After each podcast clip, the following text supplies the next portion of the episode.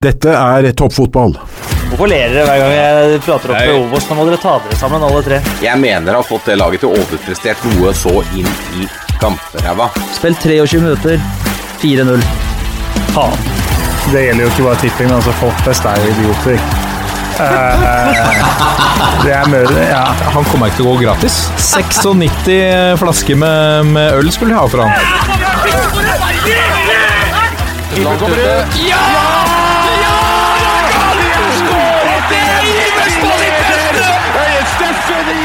Og der er toppfotball tilbake igjen i episode gått ut på 200-tallet. Eh, 210, kan det stemme?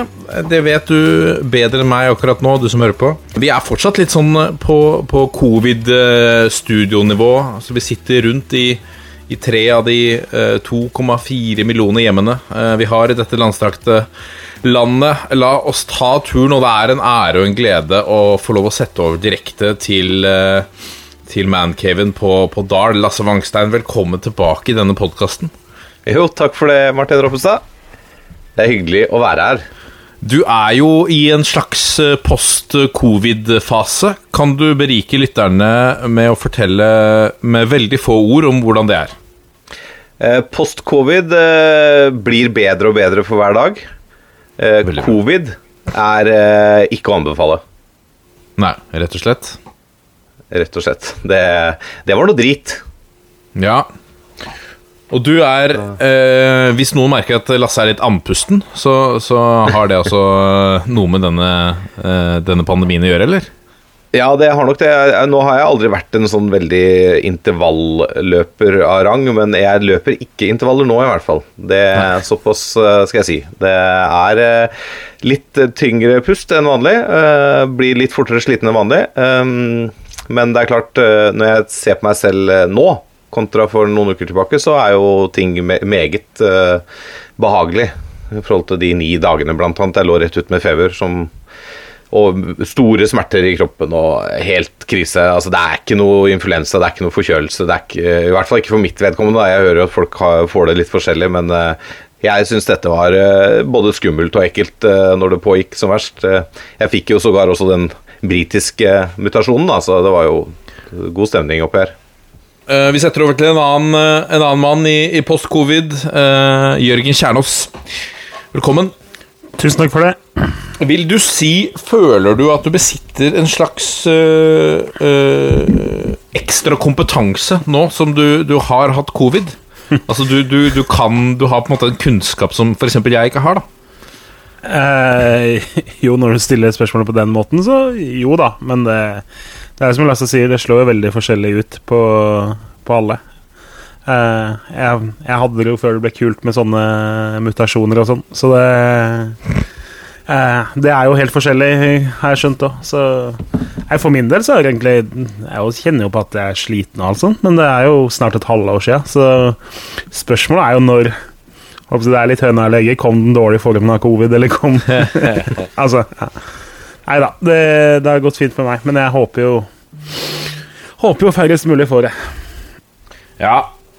Eh, da har altså 50% av denne redaksjonen hatt covid, så må vi håpe i hvert fall, da Hvis noen flere skal ha covid her, så må vi satse på at det blir rundtegnede, ikke Ole Martin Estelquist, for da får ikke Strømmen spilt så mye matcher. Eventuelt så må Bobo lede laget fra, fra sida der. Kanskje like greit, det.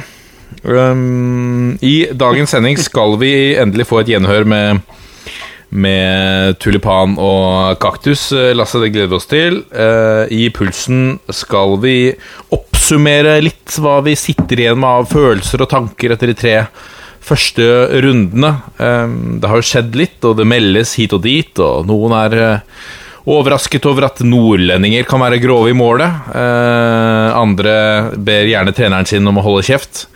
Eh, I det hele tatt. Det har en, det har vært tre runder med litt uh, forskjellig å by på. Det gleder vi oss til å, å um, snakke litt mer om. Det har kommet en avgjørelse rundt uh, forbundstinget, det ekstraordinære, som kommer 20.6. Uh, vi skal gratulere en uh, Champions League-vinner.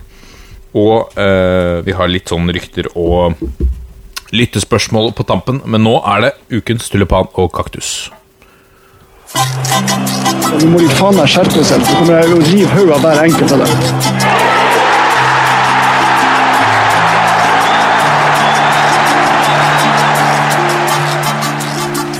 Og da er det duket for eh, tulipan og kaktus ved spaltens president Lasse Wangstein.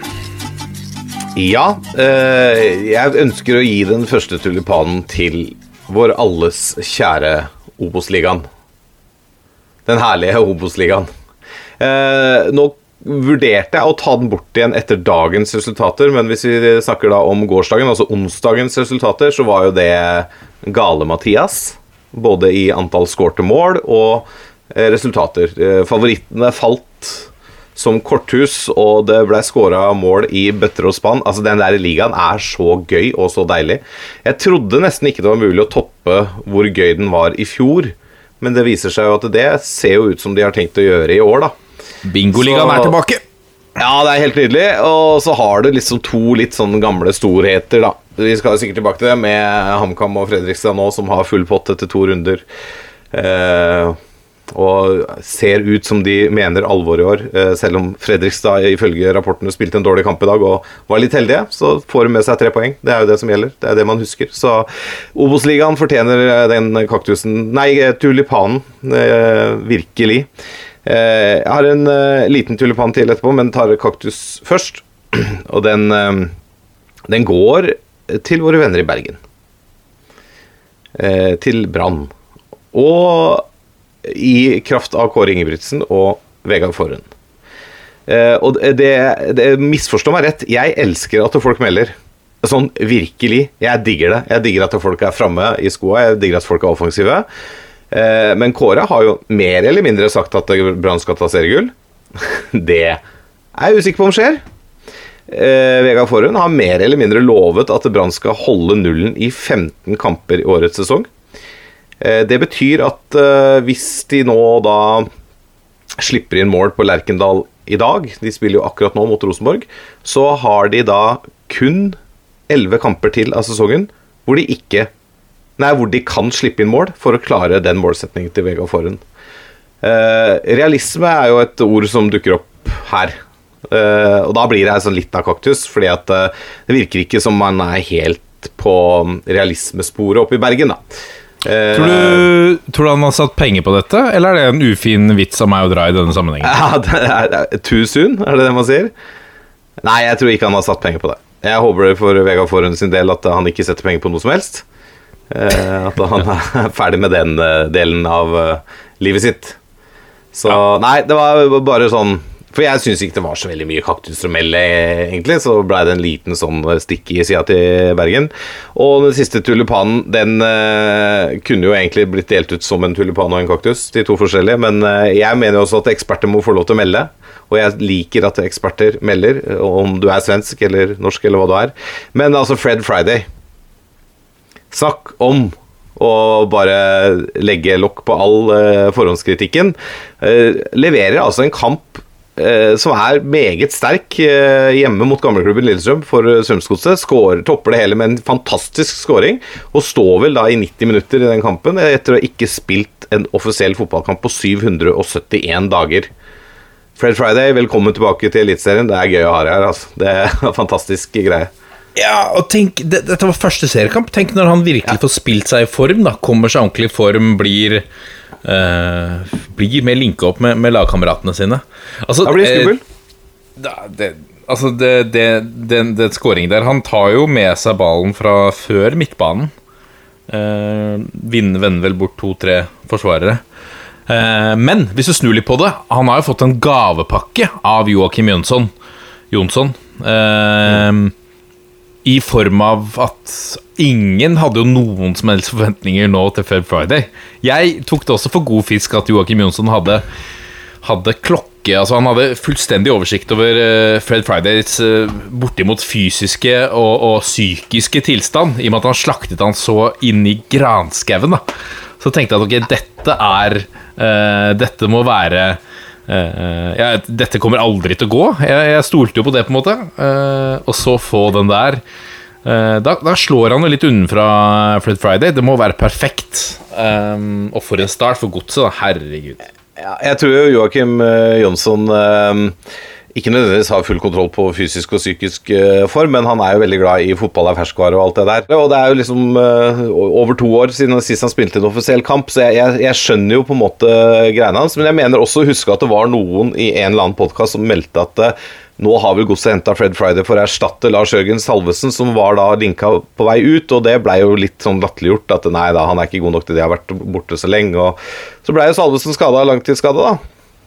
Så skal vi ikke gjøre opp status etter én kamp, men eh, starten for Friday er god, i hvert fall. Eh, kanskje noen i den podkasten var inne på noe likevel. Å ja, var det noen i denne podkasten som mente Det er at eh, mulig det var noen i denne podkasten som meldte at han var, kanskje var henta som en erstatter for Salvesen. Det er mulig. Og blei litt Ja. sånn slått ned på det. Du er jo Altså eh, Du driver og lukter på rollen som vår fremste ekspert, Lars Nå har du meldt at Henrik Pedersen kom til å få fiken først. Uh, Du har meldt at Fred Friday eh, kommer til å gjøre det bra. Eh, Jeg er spent på altså, vi, vi er jo veldig spent på de neste spådom, da, selvfølgelig. En sjokkerende god kunnskap om det som skjer, rører seg i Drammen, merker jeg. Nå kommer pulsen.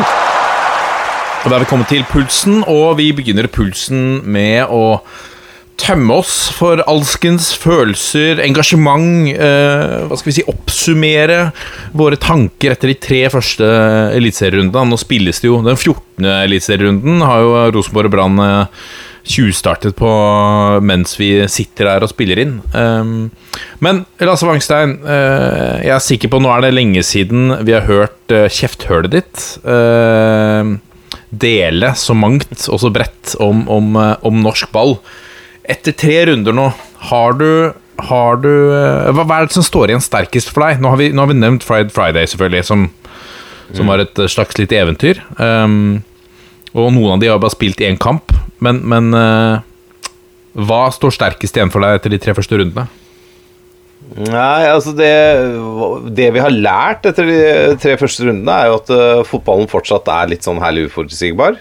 Det går ikke alltid som vi tror. Eh, det har også vist at eh, Molde kommer til å være med å kjempe om seriegull i år, som spådd. Eh, jeg tror også Rosenborg eh, er maskin maskineriet har begynt å rulle og gå noe voldsomt nå, så det, de kommer til å kjempe, være med helt inn. Og så eh, er det kanskje ikke overraskende, men eh, Bodø-Glimt imponerer jo igjen, eh, sånn, i hvert fall resultatmessig. Nå produserer de jo ikke like mye sjanser som på samme tid i fjor, men de, de tar med seg seire, de tar med seg poeng.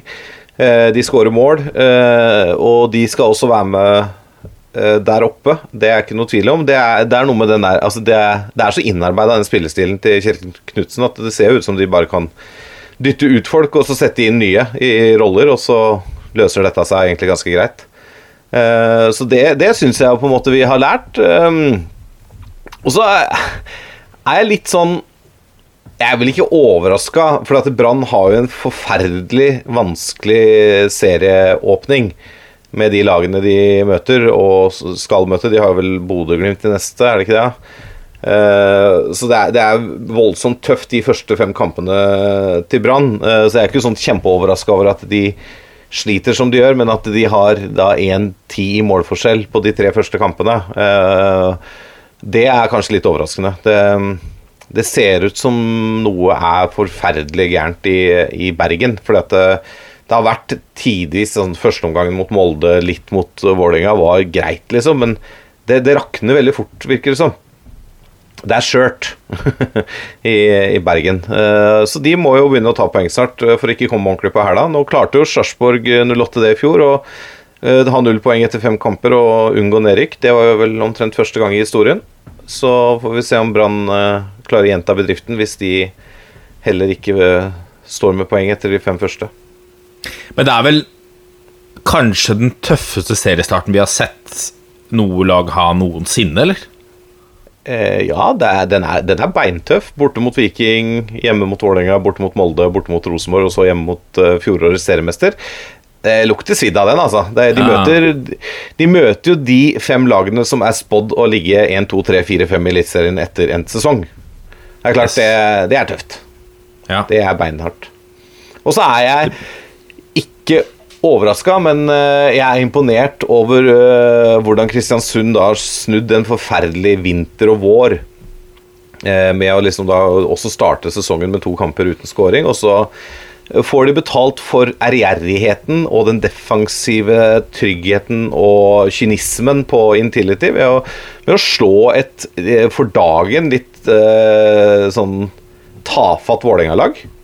Som jeg mener taper helt fortjent mot Kristiansund. Fordi Vålerenga var ikke på sitt beste i det hele tatt. Det, det blir litt for mye sånn individuell eh, Altså Jeg syns ikke maskineriet Vålerenga og lagspillet Vålerenga er godt nok, da. eh, I den kampen. Så Men altså, for en, eh, for en prestasjon. Jeg mener Kunne gjerne delt ut en, en tulipan hos til Kristiansund. For en Ja, ja. Uh, Den derre kill the killer-instinktet, den innsatsen på banen der. Altså Christian Mikkelsen har altså fyrt opp de gutta noe så sinnssykt må ha gjort både i pausen og før den kampen.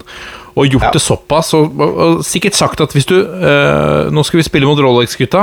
Hvis, hvis dere jobber hardt nå og gjør de sure, jobber ræva av dere, så, så kan, kan dere fort sette disse ut av spill. Og så blir de litt sånn utålmodige, sure. De begynte jo å kjefte på hverandre, Vålerenga. Kjefta på Dag Eller Fagermo. De klarte altså å, å dytte den moralen litt utover sidelinja. Og, og, og heiv seg i taklinger og dueller. Og jeg synes Det var Altså det er jo ikke vakker fotball, og det sa jo Christian Mikkelsen også. Men, men, eh, men de gjorde eh, De gjorde en massiv innsats, altså. Men jeg syns jo, eh, både, jeg synes jo både Rosenborg og Kristiansund har på en måte vist hvordan Hvordan skal man håndtere dette Vålerenga-laget, da. Ja. Altså, det, det er ikke Nå har jeg fulgt norsk fotball ganske lenge. Det er ikke mange ganger jeg har sett Rosenborg komme til Oslo og egentlig være Liksom ha innstillingen at eh, en uavgjort her er greit. For det var, sånn, det var inntrykket jeg satt med i den kampen. Her var det viktigste defensiv trygghet, og så vinner vi. Supert, selvfølgelig. De, de vil jo vinne, men inngangen til kampen oste Vi er fornøyd med en uavgjort i Oslo i serieåpningen. ja. Og det er ikke ofte jeg har sett Rosenborg komme til eh, Men det er veldig smart da, av eh, Hareide og co. å velge den taktikken istedenfor å tømme seg fremover, da, som Rosenborg i gamle dager hadde gjort, for de var gode nok til å spille ut et hvilket som helst lag, uansett hvor de spilte. Men det er jo akkurat det. Det er det jo ikke nå. De er jo ikke gode nok nå til å spille ut alle lagene i ligaen. Og Du ser jo samme tilnærmingen også mot Bodø-Glimt. De er nødt til å Altså hvor, hvorvidt, eller hvor bevisst det valget var, uavhengig av det, så blir de tvunget til å legge seg dypt. Fordi de blir spilt ut. Så, så det er jo også en Ja, kanskje kynisk og smart av, av Åge Hareide, men hvor populært er det i lengden i Trondheim? Det er jeg veldig spent på. men det tror jeg kommer. Altså, du så hjemmekampen mot Viking. Eh, altså, de, de, altså, det er mye nye spillere der. De må få lov å sette seg litt. Det Rosenborg-laget kommer til å se helt annerledes ut om ti kamper enn de gjorde i nå borte mot Vålerenga og Bodø-Glimt, som er to topp, topplagkandidater, da. Det er helt overbevist om. Det er jo helt riktig altså det, er jo to av de tre vanskeligste kampene det året her, sannsynligvis, som de har unnagjort med å spille uavgjort i.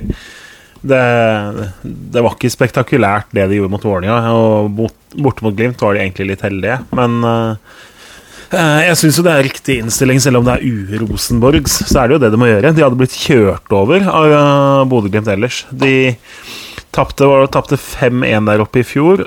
I 2019 så tapte de ba bare 2-0 vel i serieåpninga, men da var det jo Bentner som hengende spiss og egentlig total overkjøring da òg. Så etter å ha blitt pissa på to år på rad i Bodø, så skjønner jeg jo at du går tilbake og ser hva laget har gjort feil der, og prøver å gjøre det meste annerledes. Ja, og en eh, Hva skal vi si En skrell blir ordentlig utspilt og, og, og knust av, av eh, topprival Bodø-Glimt. Det er noe som i hvert fall ikke er populært i Trondheim, uavhengig av om de er eh, regjerende seriemester. Um, hvor hvor, eh, hvis vi, vi må hoppe litt videre Hvis vi går til Bodø-Glimt, som vi snakker om, hva, hva tenker du om spillet deres så langt, eh, Jørgen? Er de av det lille vi har sett, det er altfor tidlig selvfølgelig, er de nærmere å slåss om gullet enn vi trodde før sesongen? Nei, det er omtrent der vi følte de skal være. Vi vet at det er et godt lag. Eh, de har fått egentlig tre gode resultater, selv om de nok følte de skulle slått Rosenborg. Men uh, spillet har jo ikke vært imponerende. De vinner 3-0 mot Tromsø egentlig uten å være veldig gode. Tromsø Det vil være vågalt å si at Tromsø var best, men at det var en mye mye jevnere kamp enn resultatet viser. Definitivt. Og mot Kristiansund var de heldige, både med dommeravgjørelser og med marginer imot, egentlig. Så jeg syns jo ikke de har levert noe i nærheten av det spillmessige som vi så i fjor, og det er jo litt venta. Og det Altså, sånn som Botheim personifiserer jo det. Hvis man bare har sett fotballkveld, eller hva det heter, og bare sett høydepunkter, så ser det ut som han har hatt en kjempestart. Og han har jo det fordi han er spiss og skal skåre mål, og har skåra ett mål i hver eneste kamp så langt. Men det er jo litt tre eneste avslutninger han har hatt, og i spillet til Bodø-Glimt så er han jo ufattelig mye svakere enn Junker var i fjor når det gjelder det link-upen å kombinere og Altså, han har tatt steg der og blitt mye bedre enn Erik Botheim var før. Så det er en, det er en bedre Botheim enn for tre eller seks eh, måneder siden der. Men uh, det er fortsatt langt unna Junker akkurat der. Så Botheim har jo fått en god start som målskårer, men ellers så så er det jo litt det man frykter at det er en nedgradering. Samme Sørli har vært ok, men det har jo ikke eh, Altså, han har vært bedre enn kanskje mange hadde regna med, men hvis du skal sammenligne med Sinkernagel, så er det jo fortsatt ekstremt mye å bevise. Ola Solbakken fortsetter litt sånn som han var i fjor. Han gjør mye bra, men det er jo Det mangler en del på den der siste avgjørende forløsende. At ballen havner ofte i beinet på en forsvarer og ut i corner, istedenfor at den havner ut til Saltnes, som setter den fra åtte meter. Eh, sånn som det, I motsetning til Hauge, da. Så, så nei, jeg er ikke det er jo teit å si jeg er ikke imponert, for Bodø-Glimt var gode mot Rosenborg og de har vunnet de to første, men de er fortsatt et godt stykke unna 2020-versjonen av Bodø-Glimt. Det er de definitivt. Og så Apropos uh, Tromsø, da.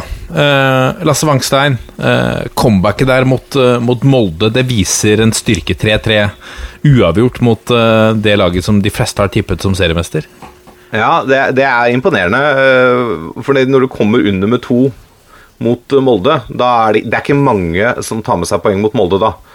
Eh, Det klarte Tromsø, selv om det var hjemme på Alfheim. Eh, Ikke veldig Gaute Helstrupsk, men eh, likevel eh, imponerende. Jeg, jeg syns Tromsø viser Det er noe solid over Tromsø, på en måte.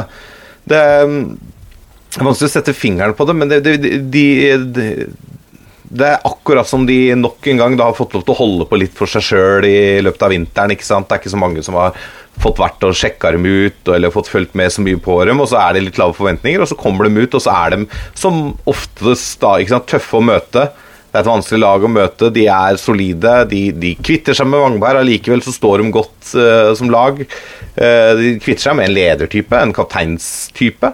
Og så reiser de da til Stavanger på 16. mai, og så slår de Viking, som veldig mange har trodd at det skal være med helt der oppe i år. Og, så, og Viking har da, da nå to tap på rad, ikke sant. Det, men allikevel, det er noe eh, det er noe solid, syns jeg, over Tromsø, og det er, det er imponerende. Altså. Så det blir spennende å se hvordan det utvikler seg videre utover eh, eh, sesongen. Og også med da Gaute Helstrup, som har jo sagt at eh, 1-0-kamper er jo det beste han veit, omtrent. Han digger og vil jo heller vinne 1-0 enn eh, 5-4. Ja, Og det, da, da har du liksom lagt lista litt, men eh, det står den jo i, og det liker jeg. Ja. Ble hangoveren etter uh, Tripic-feiringa for uh, tøff å takle for Viking, uh, Jørgen Kjernås? Jeg vet ikke om det er nødvendigvis det, men det er klart han, han har mye å leve opp til når det ser ut som det er Maradona som har kommet tilbake. Det, definitivt. Viking ble jo tatt voldsomt på Lerkendal av eh, et lag som var kanskje mye mer direkte enn de selv eh, i den kampen. Og så møter de jo det Tromsø-laget vi akkurat har snakka om, som eh, kjemper og fighter og på en måte er tøffe å møte, og som er gode til å forsvare seg, da. Det blei jo litt sånn blåmandag nesten med den matchen der for Viking. Og så er man jo da litt inne på at nå vingles det jo litt. Plutselig så er Jan Erik Dilanle nede som back, og Løkberg på benk, og Fridjonsson flyttes ned fra den offensive og ned på dypt på midten igjen. og eh, Nå har du jo to nye, ferske trenere som på en måte sikkert føler litt presset med at du må levere ganske kjapt, og som etterfølger Bjarne Berntsen, som har hatt voldsom suksess i mange sesonger på rad.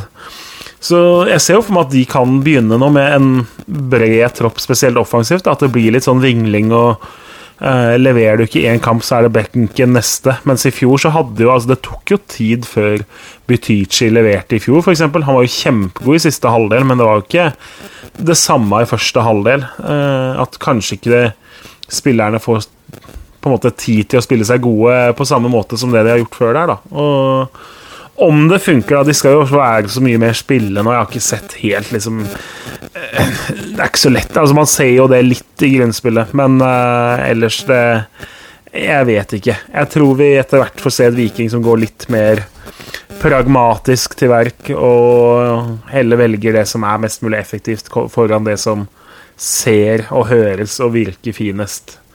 Det, det tipper jeg, i hvert fall hvis de resultatene som har kommet så langt, fortsetter. Før vi eh, Altså, vi gikk jo videre fra Rosenborg, men, men eh, glemte Åge Hareide å sjekke destinasjonen på flybilletten sin da han eh, etter kampen eh, eh, jamret seg litt over Hva skal vi si banneord og ukvemsord fra, fra hjemmelagets supportere? Er hestkuk for mye å, å kalle en fotballtrener i dag? Altså, det er jo et uh, kompliment, holdt jeg på å si, der oppe. Men uh, nei, det, det, virker jo som det er noen år siden Åge Hareide uh, har vært på norske fotballstadioner, da, når han blir så veldig krenka. Han, han, han bryr seg ikke, men Liksom. Det er jo det dummeste jeg hører, når han står der og sier at eh, Nei, jeg bryr meg ikke om dette, men eh, allikevel, hør noe litt Altså, er, altså, du skal la deg krenke over litt eh, kommentarer fra tribunen, eh, om det er i Bodø eller i Oslo eller i Stavanger eller hvor, hvor det er. Altså. Vær så snill, Åge. Du er så erfaren, du har vært med så lenge. Dette klarer du fint å heve deg over. Må ikke stå der som en sånn der forbanna sutrepeis. Altså. Det, det, det kler ikke Åge Hareide, som jeg syns er en sånn sjarmerende, godslig type som har mye glimt i øyet. Og det kler i hvert fall ikke Rosenborg at han står der etter en kamp hvor de er heldige å få med seg et poeng, og sutrer over noen kommentarer fra tribunen. Det må han faen meg tåle, altså. Men altså, jeg syns jo Åge Hareide Det har vært veldig mye sånn nå i løpet av første drøye snaue året hans i, på Lerkendal igjen. Det, liksom, det, har vært Helland og Valsvik ute i media. Det har vært liksom, Det har vært dommere, nå er det publikum, det er kunstgresslag, føles det som. Altså, det er Eh, media som skriver saker, eksperter som mener ting. Altså, det føles ut som han er veldig lett å fyre opp. da og at han fyrer seg opp over ting som du, når du er trener for Norges største klubb, egentlig bare ikke burde la deg provosere av, eller ting du ikke bør bruke energi på. Og så litt sånn Altså Sånn som den her oppe i Bodø nå. Altså, det skal være ganske det er greit du hører publikum bedre når det er 600 på tribunen enn når det er 5000, så du får med deg enkeltkommentarer i mye større grad, men altså hva, hva, er publikums rolle? Ok, Det fins visse grenser for hva du skal si og hva du kan gjøre sånn på en tribune, men at det kommer ting som jo ville vært helt idiotisk å rope etter noen på gata, det kommer fra tribunen i løpet av en fotballkamp. Det er jo en del av pakka. Så hvis det er, liksom, hvis det er på det nivået at dette hører du hver eneste fotballkamp, så klarer jeg ikke skjønne at han fyrer seg opp. Men det er jo også en fin lynavleder, da. Jeg tror det handler litt om det òg. Eh, nå kommer han fra Bodø, er sannsynligvis fornøyd med ett poeng, men veit at han kommer til å få veldig mye spørsmål ellers om liksom, ja, er det Rosenborg som kommer opp hit og være heldig med ett poeng, og bla, bla, bla, og er dette sånn når vi ser Rosenborg spille og sånn. Han slapp i stor grad unna de spørsmålene, for de spørsmålene han fikk isteden, handla om publikum i Bodø. Så det er jo litt sånn Alex Fergusons at du på en måte velger å vinkle på noe helt annet oss mot dem. og Uh, får oppmerksomheten over på det du vil, istedenfor å få de spørsmålene du kanskje ikke har lyst til å svare på. Jeg mener det er det, det Ferguson var ekspert på, som jeg ser Solskjær har arvet litt, er å skylde på kampprogrammet. Kjefte på FA eller et eller annet sånt noe. Uh, og det er det på en måte Det, det, det tenker jeg det er kjempesmart for å få, for å få fokuset bort fra egen prestasjon. Men, men hvis, hvis, du skal bruke et sånt retorisk grep og skylde på fotballsupportere for ting, det slipper du ikke unna med. Du, du slipper ikke unna med, med å bruke det som et grep. Da, kommer du til å sitte, Folk kommer til å sitte igjen med inntrykk av at du er en litt sånn sutrete, sutrete type. Og jeg er helt enig med deg, Jørgen. Nå, nå syns jeg det har vært Jeg synes det har vært sånn her lenge. Uh, og, og, det er jo ikke Altså, det, det siste det siste Rosenborg trenger, er enda en fyr som lager uh, dårlig stemning. For det har de klart å holde på med der de siste sikkert fem årene. Nå må de snart eh, Altså, de ble, de ble hanka i Ståle Solbakken, dra opp dit, holde et mediekurs på, på hvordan du fortsatt kan kjøre en ærlig og tydelig profil, eh, og si hva du mener, og samtidig ha litt glimt i øyet. Det må være Du må begynne å spille på lag med pressen. Eh, dette er nesten litt sånn pinlig, altså. Eh, vi, snak, vi snakker jo om det nesten en gang i måneden, Rosenborgs mediehåndtering. Jeg er helt enig, og så er jo Jørgen innom det med kunstgress og sånn. Altså, det er, han har sagt det så mye nå at han kjøper seg jo fri den dagen Rosenborg sliter mot et kunstgresslag. For det er unnskyldningen har ligget der hele tiden. Vi er best på gress, våre gutter trives best på naturgress. Fotball skal spilles på naturgress. Altså, Unnskyld meg, du spiller i Eliteserien. Det er x antall lag på kunstgress der. Altså, men da har han unnskyldningen klar hver gang de går på en smell borte mot et lag som spiller på kunstgress. Om det er Molde eller Vålerenga eller Bodø-Glimt eller hva det er. Han har unnskyldningen klar. Det har han liksom sådd inn så lenge at det kan han nå begynne å høste av ikke sant? hver gang de er på en kunstgress. Kan bruke det som unnskyldning. Dette kunstgresset var hardt, dette var treigt. Dette var kunstgress, vi er best på gress. Altså hele tida. Og det, det kler eh, ikke Rosenborg. Jeg er helt enig. En så stor klubb, Norges største klubb, det kler ikke Rosenborg å ha en sånn sutrepeis som hovedtrener. Skjerpings, vi går videre til to uh, uh, To karer som forsøker å stable et fotballag på beina nede i hvalfangerbyen Sandefjord, som også har blitt dømt nord og ned. Det er vel ikke et eneste tabelltips jeg har sett som ikke har de på, på, på jumboplass. Uh, Det var vel ikke et eneste i fjor heller, tror jeg. det kan stemme. Det kan stemme. Nå får vi se da om de klarer det. De klarer å erstatte Marti Sifuentes med to mann. Nå eh, så det ikke sånn ut da eh, hjemme mot eh, Mjøndalen. Da gikk de på 0-3. Jørgen Kjernås, før vi sparket i gang sesongen, så sa du at Sandefjord-forsvaret ser ut som en autostrada for alle angrep som kom på besøk. Hva, hva tenker du nå?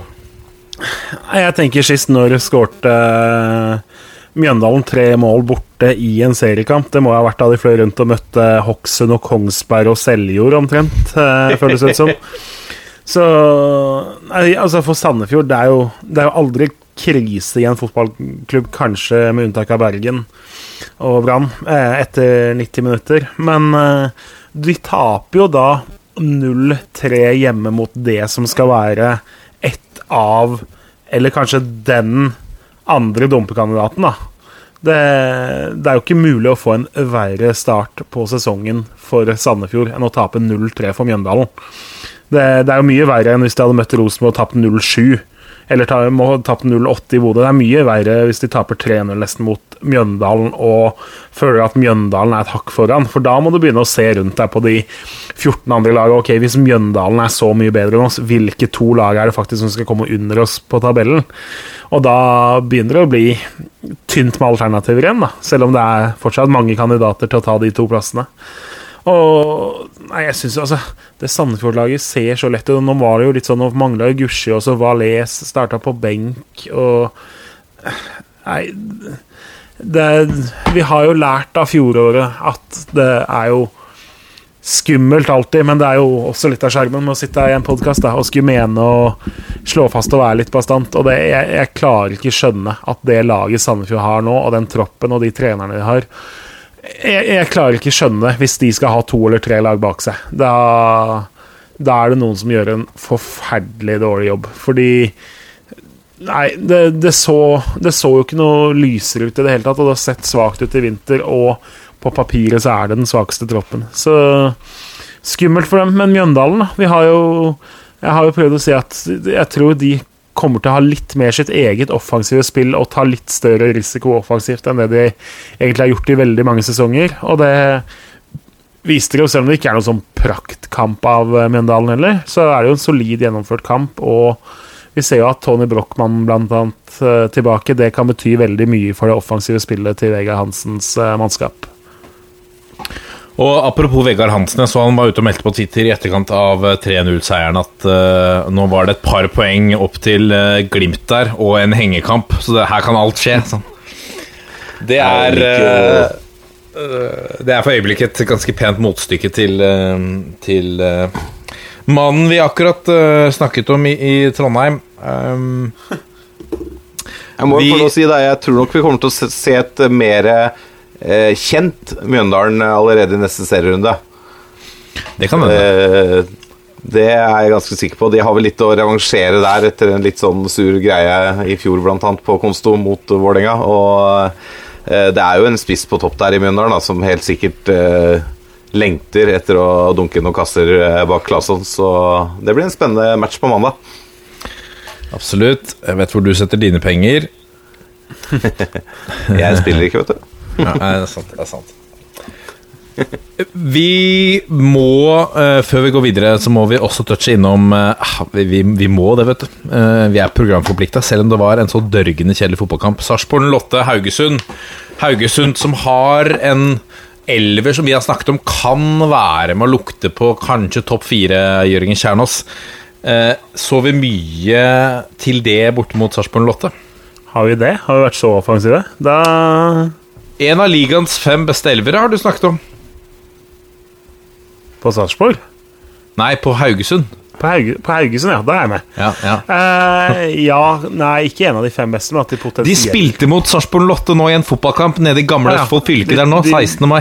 Fotball, hva var det det de kalte det? Nei, Idrett. Ja, idrett. Jo da. Uh, altså, de Det var jo Lå litt i korta, syns jeg. Jeg syns uh, altså, Sarpsborg kommer til å spille mye kamper som kommer til å inneholde få mål også denne sesongen. For det defensivt er de solid, og Mikael Stare sitt eh, tenkesett og måten han setter opp laget på, gjør at veldig mange av kampene til Sarpsborg kommer til å inneholde lite mål. Fordi det er liksom det er den defensive grunnmuren som skal være i fokus. Og så etter å ha prøvd mye i vinter, så har de liksom landa på den mest baktunge varianten av alle tingene som de har prøvd ut, føles det ut som. Så de ligger liksom dypt i 5-4-1 og forsvarer seg nesten, og da er det vanskelig å skape noe mot dem. Men Haugesund nå det, ja, Jeg kjenner jo nå si topp fem på elleve. Det er jo litt offensivt, men eh, at de Jeg mener jo at bak de fire åpenbare topplagene så er det jo ekstremt åpent. Og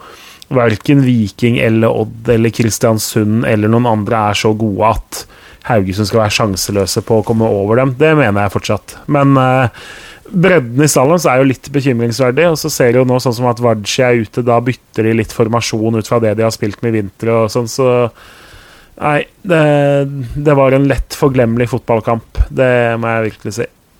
Altså det er jo sånn, Selv om dette ikke var første serierunde, så var det første serierunde for disse lagene. Og det er vel den mest klassiske første serierundekampen vi har hatt i årets sesong. Akkurat den der 0-0-kampen i Gamle Østfold. Altså, det kan jo ikke gjøres bedre enn det, alle snakker om som ja, det er typisk første serierunde. Ta og føle på hverandre. Lite sjanse, lite mål. Altså, det Nei, det var jo ikke noe, ikke noe drømmereklame for uh, Eliteserien og norsk fotball, akkurat det, men det har jo heldigvis vært mange andre kamper som har uh, veid opp for det i både Eliteserien og Obos, men uh, Nei, det var, det var tråkige greier. Før vi går videre, et par ord om eh, Lillestrøm, da, som går på en skrell da mot uh, Strømsgodset, som også for så vidt er dømt litt nord og ned. Lillestrøm har jo mange sagt kan fort overraske i år. Uh, lite som tyda på det i Drammen. Ja, men det er igjen da, det er første serierunde. Og de også er jo litt sånn, i hvert fall i, eh, i og rundt klubben, litt sånn der eh, gress versus kunstgress, ikke sant? Og det, det, overraskende nok så var ikke Pål André Helland i troppen til seriestarten borte på kunstgresset der. Eh, Mangla et par spillere jeg, altså jeg, jeg, Det er for tidlig å, å si at Lillestrøm eh, kommer til å ligge i nedrykksstriden, i hvert fall, syns jeg, selv om de ikke imponerte noen i Drammen. Men eh, det er litt tidlig. Men det er klart, bekymringa der jo har vært at de har en forsvarsrekke som mangler en leder og er litt ung og er litt eh, lett på et par plasser, så er jo ikke den bekymringa mindre. Lars Ranger var god offensivt, men eh, viser jo på en måte at defensivt så er det mulig å ta han òg. Eh, Ogbu trenger fortsatt en leder ved siden av seg. Og det er vel Filip Slørdal som bare blir dytta unna der på Fridays scoring. Altså, det hadde ikke Si Simen Wangberg eller Gustav Walsvik, da, som var to stoppere som jo var aktuelle i markedet, som var ledige i markedet. Eh, ingen av de hadde blitt skubba så lett unna der på slutten. Så nei, LSK har en Jeg syns fortsatt det er litt merkelig at de ikke gjorde en mer intens jobbing i den eh, jakten på en midtstopper. Når, de, på en måte, når Vangberg og Walsvik ikke var noe de fikk helt tenning på, så bør du også sitte og se på hva du faktisk sitter igjen med sjæl. Så de ser veldig, veldig veldig tynne ut eh, akkurat der, og det kan koste dem dyrt eh, den sesongen her, fram til vinduet åpner. Ja. Skal vi dra kort innom uh, Obos-ligaen også, uh, Bingoligaen. Uh, for her det, har det kommet en del, og, og, vi har også fått litt reaksjoner i sosiale medier, selvfølgelig, i etterkant av tabelltipset. For foreløpig så ser det ut til at det er en rekke lag her som forsøker å gjøre sitt beste på å gjøre det etter skamme. hva skal vi si, Det er nesten vanskelig å plukke ut det mest oppsiktsvekkende resultatet fra forrige runde, for det var en en lang eh, rekke. Bryne slo til med en 5-2-seier over Ranheim. Eh, for de som har fulgt, eh, Bryne tett Det er vanskelig med, med ordlegging. De var kanskje ikke så overrasket over et, et angrepsspill det luktet litt svidd av. Vi så tendenser av det borte mot Ålesund i første runde også. Jørgen, har vi tatt feil av, eh, av eh, gjengen fra Jæren? Eh, altså For det første så er det som du sier altså det jo, Å trekke konklusjoner etter to runder er jo veldig veldig, veldig skummelt. Idiotisk. Eh, samtidig så er det helt riktig. Bryne var gode borte mot Ålesund. Og egentlig litt unødvendig at de klarer å tape den når det er én mann mer. Og så er det åpenbart at 5-2 mot Ranheim det er veldig imponerende. Og én faktor vi kanskje har undervurdert der, er jo tross alt det her med gress. At, uh, sånn Apropos det vi snakka med Hareide, at Bryne hjemme på eget gress, der er de gode. De vant vel ti av ti matcher på hjemmebane i fjor. Og når de da møter stort sett kunstgresslag, så er det en stor fordel å faktisk være vant til å trene på sin egen, ikke alltid like solide gressmatte. Men uh, når du sier altså mest overraskende resultatet, det går an å diskutere hvem av lagene det er, når alle topplagene egentlig taper. Jeg syns det mest overraskende er, når vi skal apropos oddsmarkedet, da, at i går, eh, Raufoss-Ålesund, så endres altså oddsen utover dagen, sånn at du får så vidt over to i odds på hjemmeseier. Eh, med andre ord du Begynte få på Hæ? Hva begynte den på? Eh, du fikk 3,25 omtrent. Eh, var Hva har to skjedd da, Jørgen? For Forklar de som ikke er så godt inne i dette. Nei, Det som har skjedd, er jo det veldig enkle at de som spiller veldig mye penger, eh, setter pengene sine på at Raufoss skal vinne kampen, eller i hvert fall ikke tape den. Og da flyttes jo oddsen litt og litt etter jo mer som spilles på akkurat det utfallet, og da Ja. Eh, til slutt så, så står det igjen med den oddsen og kampstarten. Men det er jo Men, men tyder det på at det er noen som vet noe som Eh, nei, altså de, Den oddsendringa er jo sånn at for de holdt på å si, halvkyndige, så ser det ut som kampfiksing. Fordi endringa er så ekstrem at uh, det er sjelden du ser noe sånn. Og så går den voldsomt opp idet lagoppstillingen kommer ut, og det selv om på en måte elveren til både Raufoss og Ålesund er omtrent som venta. Men det som skjer, er jo at de stedene hvor det finnes såkalte syndikater, altså helproffe oddsselskaper, folk som spiller på oddsen, eh, altså ikke, e ikke betting-sider, men altså folk som prøver å tjene på å spille på oddsen, har jo da systemer og eh, egne liksom, moduler og egne eh, måter å beregne hva riktig odds skal være på. da. Så Når de mater inn at Ålesund 16-åring starter som stopper, eh, Nenas er høyrebekk osv., så, videre, så gir det noen utslag som ikke er helt lette å skjønne for de av som er på et nivå eller to under det. Eh, men de traff tydeligvis godt, da. Men at, at, liksom, at det skal være 47-48% sjanse for hjemmeseier i Raufoss Ålesund, høres jo helt sjukt ut i mine og veldig mange andres ører. Så det var mange som reagerte på den. Men jeg, altså, bare for å si det, det er ikke noe noe som antyder kampfiksing, selv om man umiddelbart, når du ser en så stor oddsendring, så er det litt sånn at første, andre og tredje keeperen er eh, skada, og fjerde keeperen er en fyr på 53 og et halvt år som sist sto i 2004, ikke sant? Det, eller et eller annet sånt. Så, så den var voldsom, og det er jo også med på å på en måte illustrere Altså, jeg har stor respekt for de som på en måte flytter oddsen så heftig, da. Da, og det sier også litt om forventningene til Ålesund. Jeg har jo vært helt overbevist om at de skulle bli gode nok til å sikre seg et ganske komfortabelt opprykk. Men når du ser på en måte de justeringene der, så er det voldsomt. Og litt det samme var det Jeg tror på Fredrikstad-Sandnes Ulf i dag, så mente jo da altså Oddsmarkedet at det var omtrent 60% sjanse for Fredrikstad-seier. Nesten mer enn det òg. 65-66-67% sjanse for hjemmeseier der. Eh, det i mitt hode igjen høres helt sykt ut, og Fredrikstad hadde rett nok flaks som vant den kampen. Men det antyder veldig da at vi kommer til å få en ekstremt jevn Obos-liga i toppen her. Det syns jeg jo, selv om det er skummelt å trekke konklusjoner så tidlig, så ser vi jo tydelig at de tingene vi frykta kunne være minuset, både med Ålesund og Start og for så vidt Ranheim og Sogndal og Sandnes Ulf, eh, definitivt ser ut til å være til stede. HamKam og Fredrikstad ser enda bedre ut. Det er riktignok 180 minutter igjen, men eh, ser ut til å kunne være enda større opprykkskandidater enn man kanskje hadde tenkt seg. Så jeg tror vi har eh, som sagt, det, vi, det, som så ut som fire eller fem lag som kunne være oppi der, der må vi regne inn Fredrikstad og HamKam også, definitivt. Men eh, det er litt spennende det du sier. Hvordan var oddsmarkedet på Start Jerva? Det var ganske urørt, vel. Eh, start lå vel å vake rundt sånn 1,60-1,65. Det er ganske egentlig, det, var ikke noe, det skjedde ikke så mye der. På Sogndal så ble den jo flytta opp eh, Altså, du fikk godt betalt på Stjørdalsblink to timer før kampstart kontra ved kampstart, men det handler jo om at Sogndal mangla et par mann eh, som ikke var helt venta, og stilte en enda svakere elver enn man hadde regna med, da. Ja. Er eh, ja, jeg, jeg, jeg, sa jo det i tabelltipset, jeg har troa på Stjørdalsblink.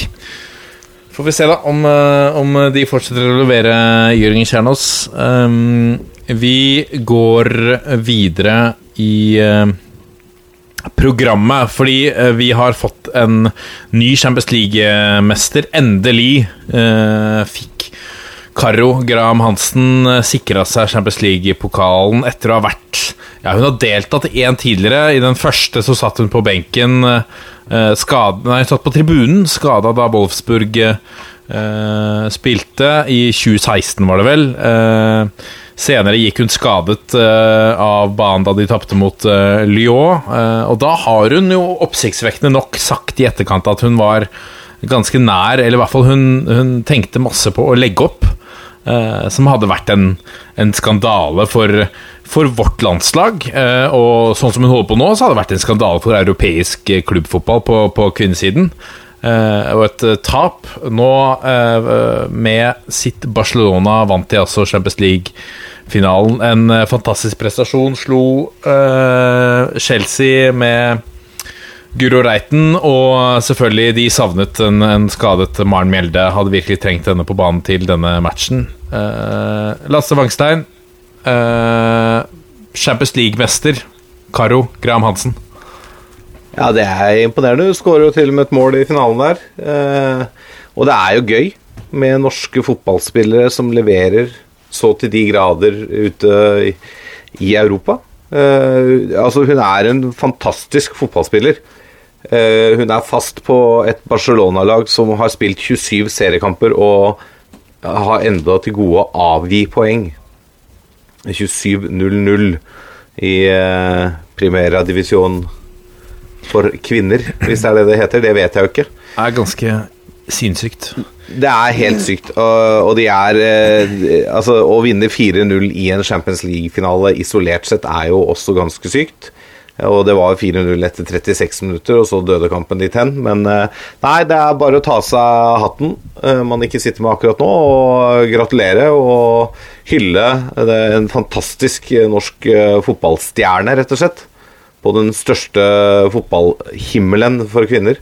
Det er bra, og så får vi bare håpe de andre stjernene våre som nå går litt sånn skada, snart er tilbake og begynner å røre seg inn, de også. og for vi har masse fantastiske gode kvinnelige fotballspillere, og nå er det også såpass trøkk i toppserien at eh, norske klubber henter hjem utenlandsproffer eh, for å bygge lag, og jeg tror årets sesong kommer til å bli ganske spennende når damene nå begynner, om ikke så lenge. Ja, for Kristine Leine nå, sistemann som Eller den seneste som nå gikk til, til Rosenborg. Vi må ta med oss at vi har Eh, Ingrid Mo Wold har eh, kunngjort at hun, hun til å eh, legge opp nå til eh, sommeren. Det er jo tap, eh, selvfølgelig. Um, eh, men det er jo Hva sier det om, om eh, toppserien? Det er en slags tillitserklæring nå? At vi kan hente hjem en del av de utenlandsproffene vi har hatt, for å, for å styrke ligaen? Ja, Det sier jo noe om at uh, de norske toppserieklubbene er villige til å satse litt, og har midler til å satse litt for å bli best.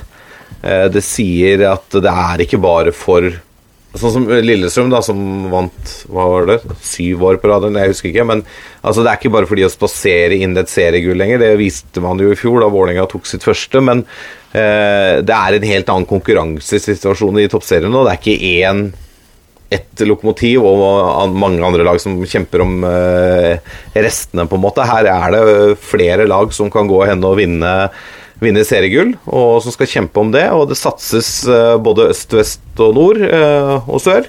Og det er bra for norsk fotball, og det er bra for toppserien. Så det tror jeg kan bli gøy å følge med på i år, rett og slett. Veldig.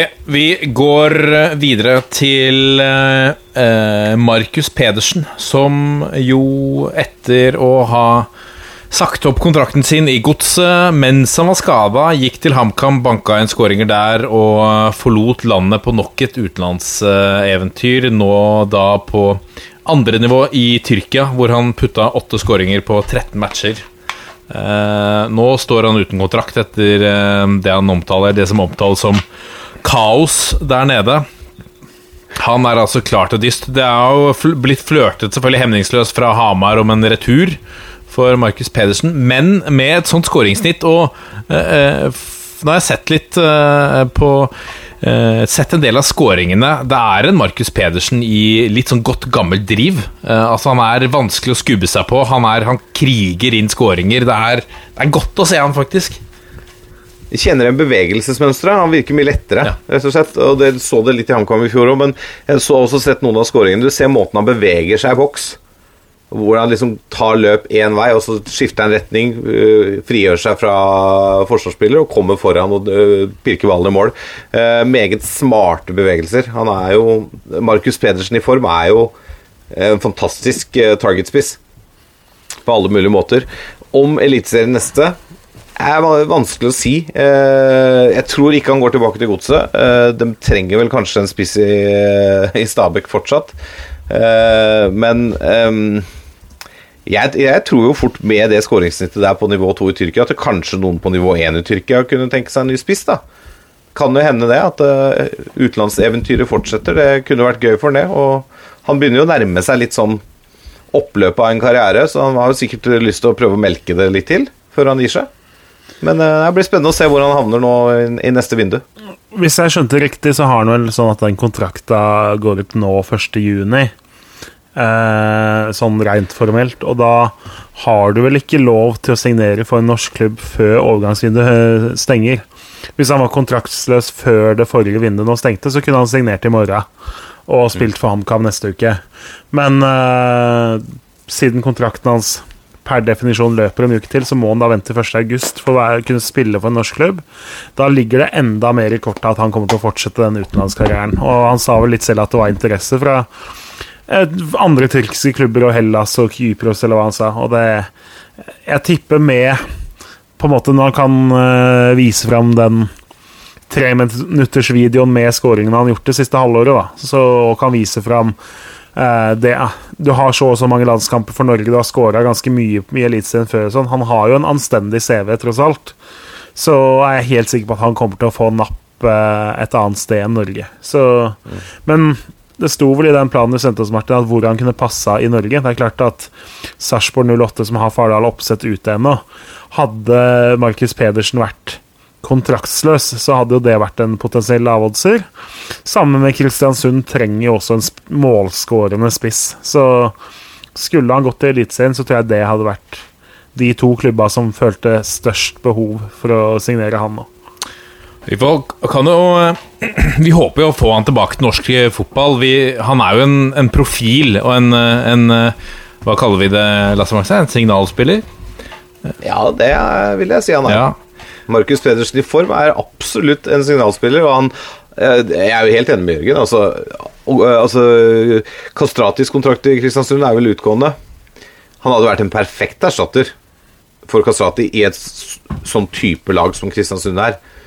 Eh, for de trenger en sånn type på, i front der, som kriger, som gir juling, som tar juling, som dukker opp og scorer litt mål, som fyrer opp eh, egne supportere, som fyrer opp motstandersupportere, som fyrer opp eh, motspillere og medspillere. Altså, han er jo en totalpakke når han er i form.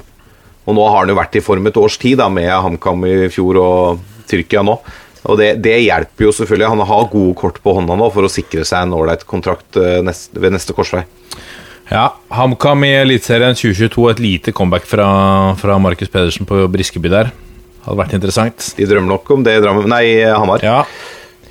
Så må vi ta med uh, This Just In, the latest eh, news fra fotball-Europa.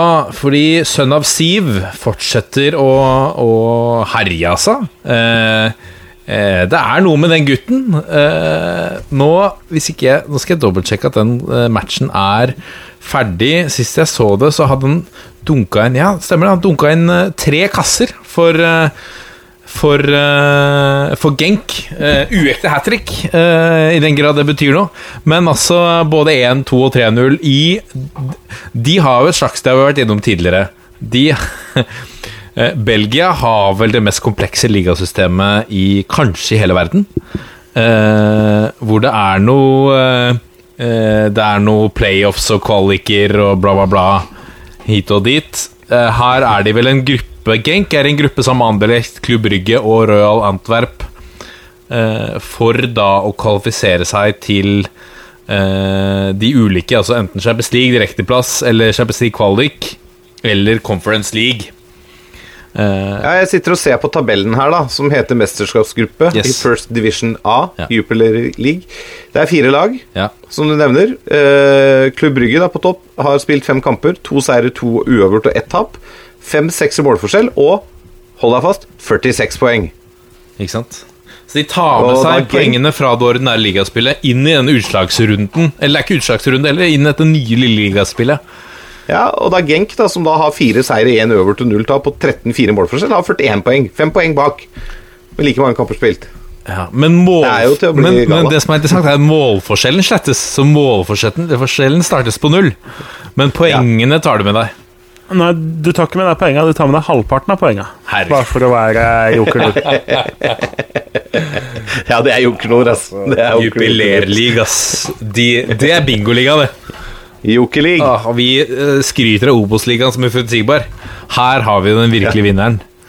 Men det er jo noe sånn Det er. Jeg vet ikke om de har det i Serie B før òg, så hadde du vel noe sånn eh, At du kunne få kvalik hvis du vant en bestemt periode av sesongen. At liksom sesongen er delt opp i seks eller perioder eller noe sånt nå. Så hvis du vinner periode én og ikke havner på kvalik liksom på ordinært vis, så havner du likevel i kvaliken. Så med andre ord, hvis du har kjempeflaks, da, hvis du er det 17. beste laget, og så møter du bare sju lag som er dårligere enn deg, så tar du 19 poeng da, på de sju første kampene. Og så ender du på 17.-plass, men du havner på kvalik likevel fordi du vant periode én av sesongen. Uh, ja. Så det er, det, er, det er mye fiffige varianter. Vi har vel snakka om det i den podkasten mange ganger før, at vi er veldig glad i lagene møtes hjemme borte. Tre poeng for seier, én poeng for uavgjort, null poeng for tap. Det laget som har flest poeng når alle har møttes to ganger, det er seriemester ferdig med det. Konservativt og kjedelig også, selvfølgelig. Uh, Men veldig enkelt og greit å forholde seg veldig til. enkelt. Vi er jo enkle folk, så vi trenger noe enkelt å forholde Ja. oss til. Eh, Men, men hva skjedde egentlig med forslaget? For det kom et forslag om å endre toppserien også.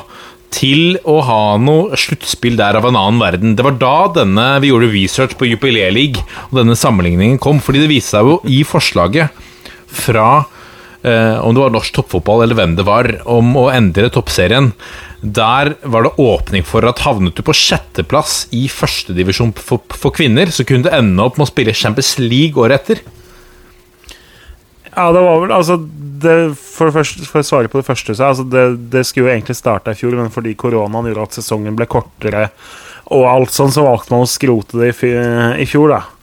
Eh, men det var vel Det er vel som så at eh, ja, det var topp fire skulle kjempe om seriegull, og så skulle da nummer fem fra toppserien og ned til et par av lagene i første divisjon, være med å kjempe om på en måte de øvrige plassene. Da kunne du få noe eh, plasser i Europa osv. hvis du vant den til slutt. Da. Så eh, det kunne blitt litt sånn Det var jo en eh, variant her i Danmark for ett eller to eller tre år siden hvor det var et lag som egentlig tapte med vilje i en av de siste kampene, fordi for dem så var det faktisk bedre med tanke på hva de kunne få, da, å tape og havne Da havna de i en svakere gruppe eh, når det skulle spilles om Europaliga. Så å tape siste seriekamp gjorde for dem at sjansene til europaspill ble mye større enn hvis de vant eller spilte uavgjort i siste seriekamp. Og da, da skjønner jeg jo at du på en måte går hen og velger å tape den kampen, da.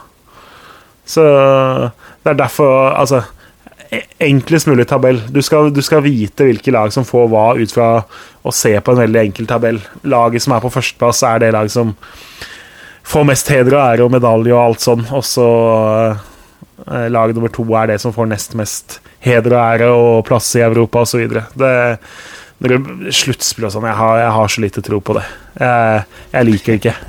Eventuelt om vi bare plukker ut av de fire-fem rikeste klubbene fra Eliteserien, at de lager en egen liga bare for dem, så kan de andre ligaene slåss om resten av poengene. Eh, Sammen med de beste fra Sverige og Danmark, da? eller? Eh, ja, la oss kalle det Royal League, da, for å gjøre det litt Ja, sånn Super, Super Scandinavia League. Yes. Uh, apropos uh, Nei, egentlig mal-apropos er riktig å bruke her.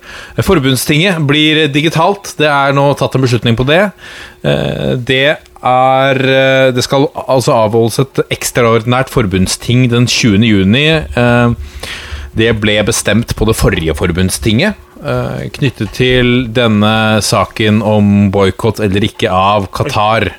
Um, og uh, så ble det også nedsatt et, et utvalg som også hadde et par var to stykker fra, fra supporteralliansen, i hvert fall. Sven Mollekleiv som ledet dette utvalget. De konkluderte til slutt med å fraråde en boikott av Qatar-VM, eh, med grunnlag i at det ble sett oss litt på sidelinjen i muligheten til å påvirke uh, dette riket, uh, bl.a. knyttet til rasisme, eh, homofile og og homofiles rettigheter, kvinner og, og likestilling. Um, disse tingene her som de ligger uh, litt dårligere an på, kan vi si det, enn en, uh, Norge. Så har de altså landet på det. Men, mine herrer, forbundstinget blir altså digitalt. Det har vært mye sterke stemmer for og imot det. Eh, jeg klarer ikke finne så veldig mange stemmer imot at et forbundsting skal være digitalt eh, midt i en pandemi. Jørgen Kjernås. Eh, jo, jeg klarer å finne en åpenbar. Det er jo at eh, NFF frykter veldig at et eh, digitalt ting her, hvor det er mange småklubber og mange supportere og ildsjeler som eh, brenner for boikott, at det er vanskeligere å få samla dem på Ullevål en helg i juni, eh, kontra å få dem til å samles foran PC-skjermene noen timer den samme helga i juni. Så det Jeg håper si NFF kan, kan jo si hva de vil, men det at det å prøve å skulle avholde ting handla mest om å på en måte drepe boikottens muligheter. Det er jeg jo helt overbevist om, selv om ingen noen gang kommer til å si at ja, sånn var det. Eh, og så ja, Ellers så syns jeg du oppsummerte saken ganske fint, da. Men dette er jo også, som blir påpekt. Nå, nå, nå går de ut. Nå så jeg eh, Terje Svendsen og, og um, eh, generalsekretær eh, Bjerketvedt heter han, Bjerketvedt, var ute i en eh, faktisk i en egen eh, kronikk eller et eh, innlegg som et tilsvar til eh, Welhaven, kommentator i VG, hvor de sa at det er nok nå, Welhaven. Og jeg må si at, at uavhengig av, av hva man syns om innholdet, så er det i hvert fall forfriskende og velkomment at de kommer på banen. da At de mener noe, at de prater. At vi hører at de kan fortelle hva de faktisk eh, jobber med, og, og hva de mener. Det er litt fint. Det savner jeg litt. Jeg savner et mer aktivt deltakende fotballforbund i debatten rundt norsk fotball. Det syns jeg er litt sånn Det var jo eh, Det var også eh, bra å se Bjerketvedt eh, i, i eh, NRK-studio i Debatten. Eh, Jeg syns de har vært liksom litt for lite til stede i disse diskusjonene tidligere. Det virker som man på en måte har bare eh, håpet at dette skal gå over, og så slippe å kunne uttale seg. Um, Lasse, er uh, Hva tenker du om disse motpartene her nå? Eller disse, disse motpolene? For du har, du har boikottgjengen, og så har du de som er imot uh, boikott. Og begge sider virker å trekke fram litt sånne skittentriks fra ermet, eller? Ja, det, det blir jo litt sånn Hva skal jeg kalle det? Det blir jo litt skittkasting. Og eh, ja, jeg er helt enig i at det er fint at uh, presidenten og generalsekretæren er med i debatten og, og lar seg høre, men jeg syns det blir, blir, feil å liksom gå på velhaven, da. Altså, han har en jobb, han, og det er å være fotballkommentator, og han skal mene litt, og han, han skal sette ting på spissen, selvfølgelig, det er litt av jobben hans også, og så skal han eh, skal han på en måte prøve også å belyse de sakene som kanskje gjør litt vondt også for Fotballforbundet. da. Og jeg syns liksom at det personangrepet som de da kommer med eh, Eller i hermetegn personangrepet mot Welhaven, liksom. Nå er det nok, Leif. Det, det, det blir eh, Det blir eh, feil, da, i, i min bok. Uh, å gjøre det på den måten. Og så kan man si hva man vil om um, om de steile frontene. Jeg er jo helt uh, overbevist om det dere er inne på, at uh, de ville ha et fysisk ting for å stagge litt av Hva skal jeg kalle det? Um, den delen av Fotball-Norge som ønsker boikott av Qatar. Det er jo helt åpenbart. Det, det trenger de ikke å skjule engang. Det trenger de ikke å si noe annet. Alle skjønner det. Vi er midt i en pandemi. Da møtes man ikke til et fotballting med x antall hundre deltakere. Hvor skal du sitte da? På Ullevål stadion ute på gressmatta med to meters avstand? Som en slags, sånn, som en slags sånn eksamen, da. Ja, sånn eksamen med veldig lang avstand. Ja. Ikke lov å titte på naboen, type ting. Ja. Med, med, sånne pleksiglassvegger imellom. Ikke lov å si Rekk opp hånda hvis du må gå på do, og så kommer en pensjonist og henter deg. ja, ikke sant? Leder deg inn i den nye garderoben på Ullevål. Uh, pleksiglass som da henger ned fra disse vaierne som skal hindre måker. Uh, det er et voldsomt opplegg der, så det er jo bra at det blir digitalt, men uh, Nei, Vi får satse på at uh, fotballen uh, klarer å komme til en fornuftig løsning her. Uh, kan jo også si kanskje at fotballen har vært litt på hæla her, da, for at her, den her jobben burde jo blitt gjort i tildelelsen av VM. Ja. Ikke sant? Vi er jo litt seint ute. Kjempelenge siden. Det sa jo det utvalget også. De var jo sterkt kritiske mm. til NFF. At vi er, nå, er vi, nå er vi seige her. Vi er veldig treige ut av eh, startgropa. Men, men det ja. skulle fram til at, at, det har jo kommet en, en sterk kritikk da, fra, fra, flere. Det var en kretsleder også som jeg så som var veldig kritisk til at det ble sendt ut oppfordring om at uh, man kunne uh, Det var flere som, som opp nei, som, som tilbød seg å melde seg inn i klubber for å kunne stemme på tinget. For å kunne reise og stemme på tinget. Og det ble veldig kritisert fra en kretsleder i Husker jeg ikke hvor det var. Men samtidig så kommer det jo fram at det sendes ut e-poster til klubber fra en rekke kretser, hvor de advarer klubbene om å ta avstand fra, eh, fra boikotten. Så det, altså, det er jo ureint trav på begge sider her. Ja, ja. Åpenbart. Det er, uh, og det blir jo litt sånn Det blir jo litt farse. Popularitetskonkurranse. Ja. ja. det blir det, og det blir litt sånn popularitetskonkurranse. ikke sant? Altså, Skal vi være populære hos uh, pro-boikott eller uh, mot-boikott, på en måte? Ja. Hvem skal vi gjøre oss populære hos? Ja. Hva veier tyngst?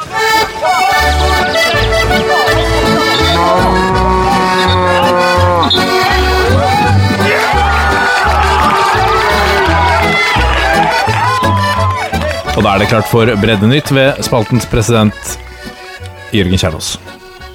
Ja, det er jo liksom, det er jo ikke så altfor mye breddefotball som spilles for tida, som eh, folk kanskje har fått med seg. Vi må jo nevne at i dag er det torsdag, i morgen fredag så skal det jo komme nytt fra regjeringa. Sånn. Abid Raja var jo ute og lovte at Uh, man håpa neste uke så skulle det være treningsstart, men nå skal ikke han være med på pressekonferansen fredag engang, så da ser det litt dårlig ut igjen. Men noen steder spilles det jo fotball, så jeg tenkte vi må jo grave oss fram dit hvor det faktisk er bredde på gang. Uh, sånn som Gutt 8-serien oppe på Øvre Romerike, f.eks. Så vi har jo med oss en ekspert på den, Lasse Wangstein. Ja, det er helt riktig. Eh, og det er jo ikke gutt 8, det er åtteårsserien, for dette er jo blandet lag. Men eh, jeg har vært med på noe av det vakreste jeg har sett eh, på veldig veldig lang tid i dag. Og det er at eh, åtteårsligaen her oppe hadde seriestart. Mitt lag, da, Dal 2013, med annet min sønn på laget hadde serieåpning mot feiring på, nede på Dal stadion i stad. Heter de noe sånn Ja, Dal rød eller Dal blå eller Nei, United? men det var feiring blå. Feiring blå. Vi møtte? Feiring blå. Ja. Ja. Uh, det, vi skulle jo egentlig spille to kamper i dag, både mot Hurdal og Feiring, men så er jo Hurdal en annen kommune, så de fikk jo ikke lov å komme hit og spille fotball. Så da ble det én kamp, så vi hadde 19 spillere som skulle fordeles på én match i femmerfotball. Fire utespillere og en keeper. Så det ble løst på følgende måte. Vi delte laget i to, og så delte vi hver omgang i to igjen, så de fikk 12 minutter, 12 15 minutter hver. Bytta hele laget ja, midtveis i hver omgang. Det funka, det, altså. Det ble 14-6-seier. Og på det, nivået, på det nivået her så skal jo sånne store fordel, forskjeller utjevnes. Og når ett lag leder med fire mål, så får det andre laget dytte på en ekstra utespiller. Og når det skåres to til, så får de dytte på nok en ny utespiller. Så på slutten her så var det, eh, var det da seks mot fire, eller syv mot eh, fem, da.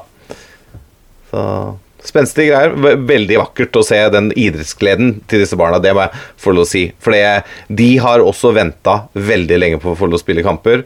Og selv feiring da som tapte, det, det var smil som gikk rundt fordi at de fikk lov å spille kamper. Eh, Det var smil som gikk rundt fordi at de skåra noen mål. Eh, Det var kjempestemning, og disse 19 Dal-spillerne som eh, vant, de jubla som om de hadde vunnet Champions League. Det var, eh, var rett og slett rørende vakkert. Hva hadde, hadde Feiring Blås uh, trener å si om uh, motstanderfansen? Motstanderfansen? Nei, det, altså det er Det må jeg si, da. Det er veldig sånn uh, mye fokus på fair play på det nivået her. Uh, alle klapper når alle scorer. Altså treneren til motstand Jo, jo, men det er litt sånn. Man klapper for gode prestasjoner, og det er lite dårlig stemning, rett og slett. Og det er jeg ganske glad for på det nivået der. Det kommer tidsnok det at det blir eh, det blir eh, rivaloppgjør med blod, svette og tårer. Ja. Men å klappe når motstanderen scorer, det syns jeg er å dra det for langt. Men eh, jeg, skal ikke, jeg skal ikke si noe. Jeg vil likevel komme med kritikk av feiring. eh, feiring blå. Fordi eh, når jeg ser på en rekke sånne barnelag, og det er blå og rød og sånn, det er så eh, dørgende kjedelig. Hva skjedde med Da jeg var liten, så spilte jeg for Borre United. eh, og, og laget ved siden av het Borre City. Og det var Ørn Barcelona og, og Ørn Benfica. Altså, det er jo mye vakrere! Skal vi dra inn primærfargen i dette? Ja, og feiring er blå. Det er helt riktig. Svakt. Svakt. Stilt i blå drakter. Det er sikkert en eller annen pedagogisk Vi- bakgrunn for dette også, men det, men det mener jeg er altfor dårlig. Skjerp dere, feiring. Og det er greit. jeg, tror, jeg tror faktisk litt av greia, for vi har prøvd det tidligere, å kalle det lagnavn. Og da blir det jo eh, krangling om hvem som skal spille på hvilket lag.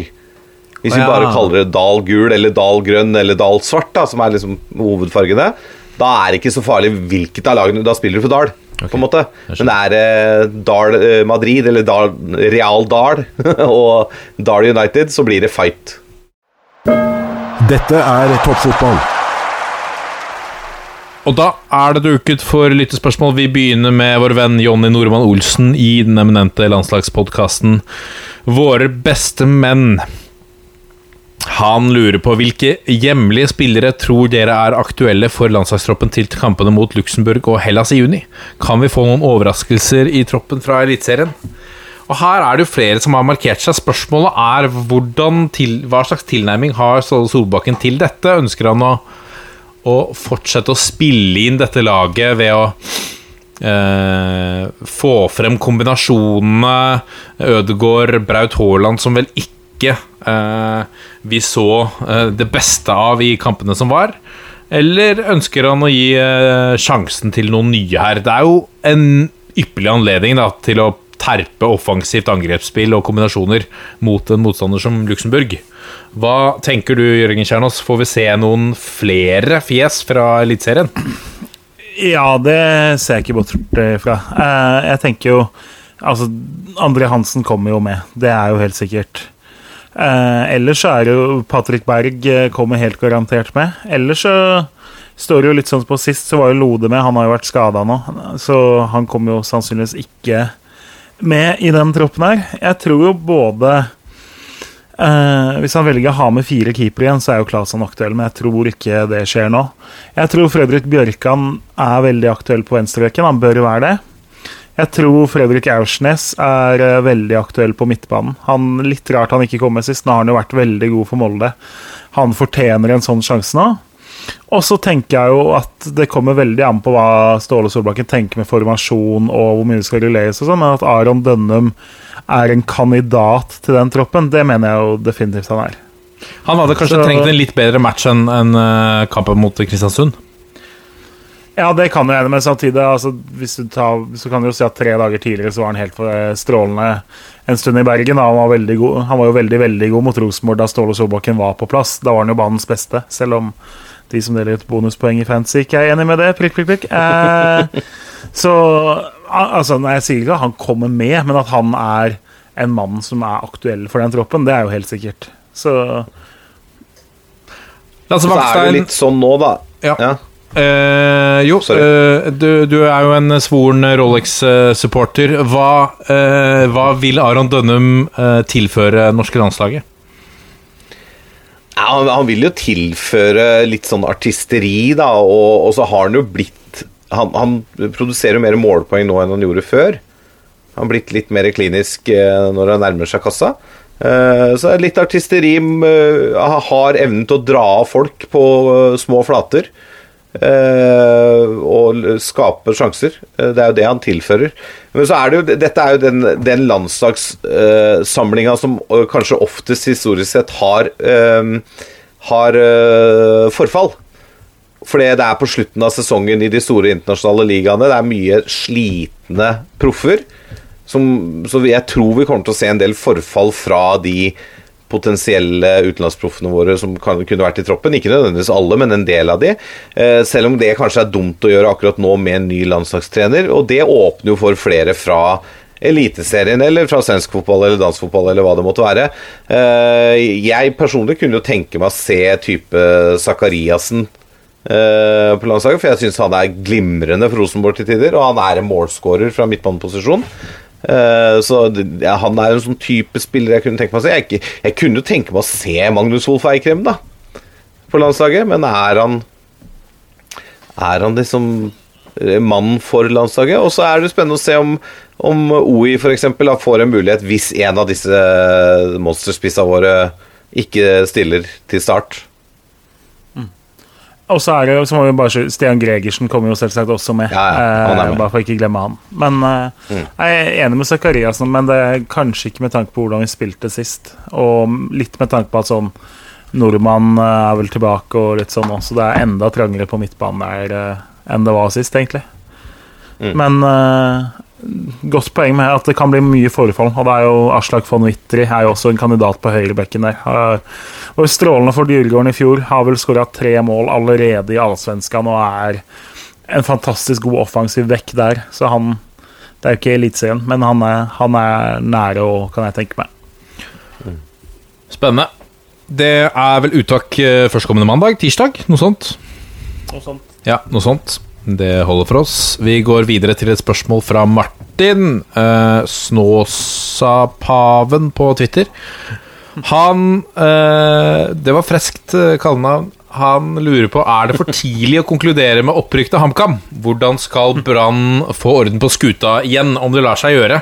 Det ser ut til at Brann i hvert fall er i ferd med å eh, hvert fall eh, Hva skal vi si Rikke roret noen, eh, noen eh, knepp eh, mot babord, da, med, med, dette, med dette mannskapet. Hvis de nå tar Rosenborg på Lerkendal. Så, eh, men la oss ikke dvele for De har i hvert fall ry- rysta Rosenborg, men det er 20 minutter igjen, og dette kan Rosenborg lett snu til 3-2. Absolutt. Det har jo skjedd før. Så la oss ta det første spørsmålet først. Eh, Opprykk til HamKam. Det er selvfølgelig for tidlig å konkludere, fordi vi har spilt to runder, og, og ligaen har 30. Eh, Men ser de bedre ut nå, Jørgen, enn vi trodde de var? Eh, de ser kanskje et lite knepp mer solide ut enn vi trodde de var. Og så, som vi har vært inne på tidligere i sendinga, så er vi vel litt mer usikre på de fire-fem laga som alle egentlig har forventa skal være de beste. At uh, det handler jo om det, og det hjelper jo ikke hvor god HamKam er hvis uh, Ålesund og Ranheim og Start er enda bedre, på en måte. Men uh, det ser fullt mulig ut for HamKam å blande seg inn i der. Og så var jo de ekstremt gode på overgangsvindu i forrige sommer, da de trengte forsterkninger for å unngå nedrykk. Hvis de lukter opprykk på Hamar eh, når vinduet åpner, så tror jeg de kan være veldig gode på markedet nok en gang. Og så er det jo en veldig viktig faktor at Kjetil Rekdal er jo tross alt en vinner. Å ha han på benken, det er bedre enn hva de fleste andre Obos-ligalagene kan stille med der. Så litt tidlig er det, men gir det én eller to runder til, så kan vi bare si at HamKam-opprykket er klart. Ja. um, Roar Meskara her. Igjen, eh, folk er interessert i å snakke om, eh, om Brann. Uh, som sagt så vet vi ikke om de nå slår Rosenborg eller ikke. Men kan man se Ingebrigtsen ut av dørene innen 1.6, og da setter vi direkte over til vår husspåmann Lasse Wangstein, vær så god. Eh, nei, jeg tror ikke at Ingebrigtsen er ute av dørene til 1.6. Det er jo ikke veldig lenge til. Eh, men det er klart, altså hvis Brann fortsetter å tape kamper og ligge helt nede i bunnen av tabellen eh, når vi passerer 10-12 runder, så er de jo ikke sånn kjempetålmodige borti mellom de syv fjell, eller hva de kaller det. Så da, da, kan det jo begynne å brenne litt under beina på ham. Og da er det jo spennende å se hva gjør Brann da. Løfter de da Horneland opp som hovedtrener? Eller ryker han også, så henter de inn et helt nytt team? Altså Hva, hva eventuelt skjer, det, blir, det, er, det er mye her, og det er kontrakter, og de sitter med en trener som tidligere har tatt uh, tidligere arbeidsgiver til retten for usaklig oppsigelse, så det er mye å tenke på i Brann, da. Men uh, jeg vet ikke hvor lenge de, de tør å sitte, sitte med dagens konstellasjon hvis resultatene fortsetter å utebli. Ja.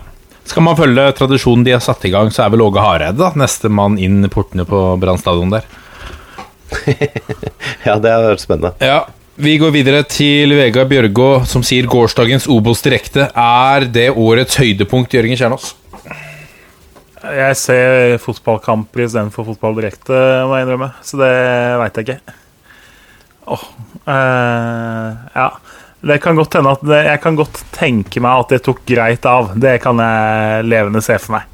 For det var jo, som vi har vært inne på, en helt syk runde. Så ja. De som Jeg liker noe best. Det er fint å få alle måla, fint å få meninger og sånn, men jeg eh, koser meg mest når jeg har på én match. Så jeg valgte meg Ålesunds fadese på Toten, stort sett.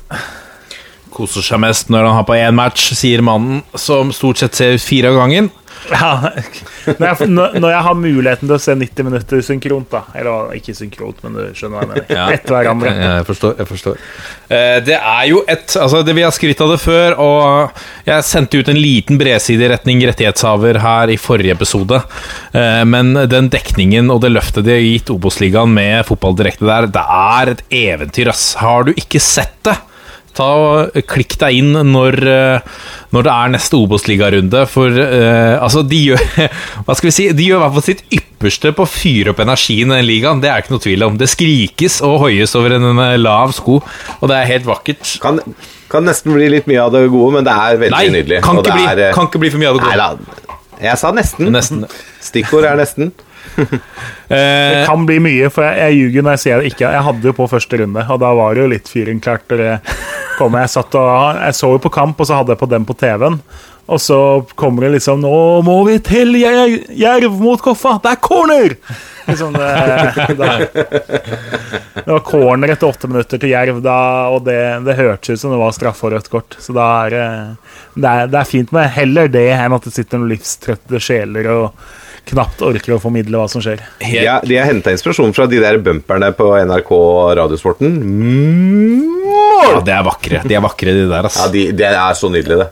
Ja, det er en, Vi må Straffe! slenge ut en kudos også til Amund Uh, Lutnes, som uh, i etterkant av forrige episode, uh, vår kjære toppfotballvel Amund eh, som jo er en av pådriverne for Obos-ligaen i, i Eurosport, sendte meg da et fullstendig dokument over samtlige overganger i Obos-ligaen i etterkant av eh, min lille kritikk der. Så, så eh, nå har vi det, i hvert fall. Så eh, det er eh, positivt. Tusen takk, Amund. Um, vi tar et spørsmål fra Eirik Sanne på Twitter. Han eh, lurer på hvordan står det egentlig til i Ranheim etter en sliteseier mot Grorud hjemme i fjæra og nederlag på Jæren. Er det grunn til bekymring?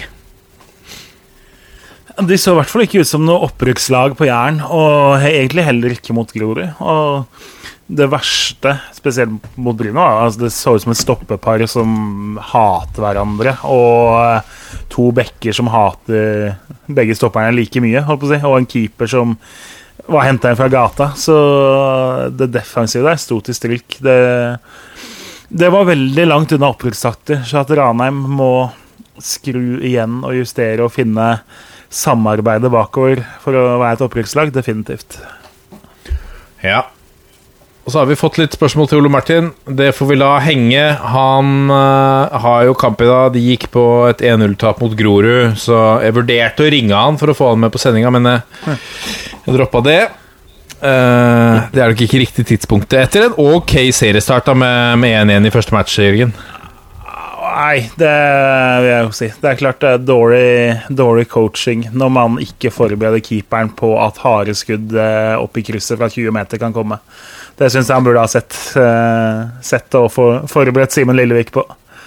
Nei, det var, det var en veldig fin scoring av Martin Høiland, som eh, er vanskelig å stoppe. Så ja. Jeg hadde så ikke så mye på den så på Fredrikstad-Sandnes Ulf, men eh, ja. Viktig, viktig seier for Grorud. da Grorud litt uheldig og litt ineffektive bort mot Ranheim, som jo var en kamp hvor man ikke forventa mye. Men hvis Grorud skal holde seg, så er det jo kamper som Strømmen hjemme de er nødt til å vinne. Ja, og vice versa, kanskje. ja. Ja. Skal vi si det er greit, da?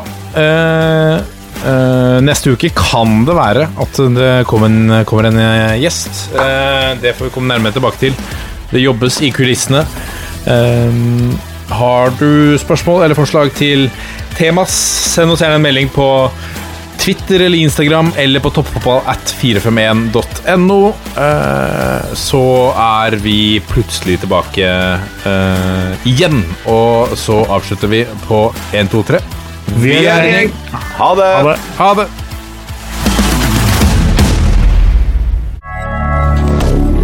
Moderne media.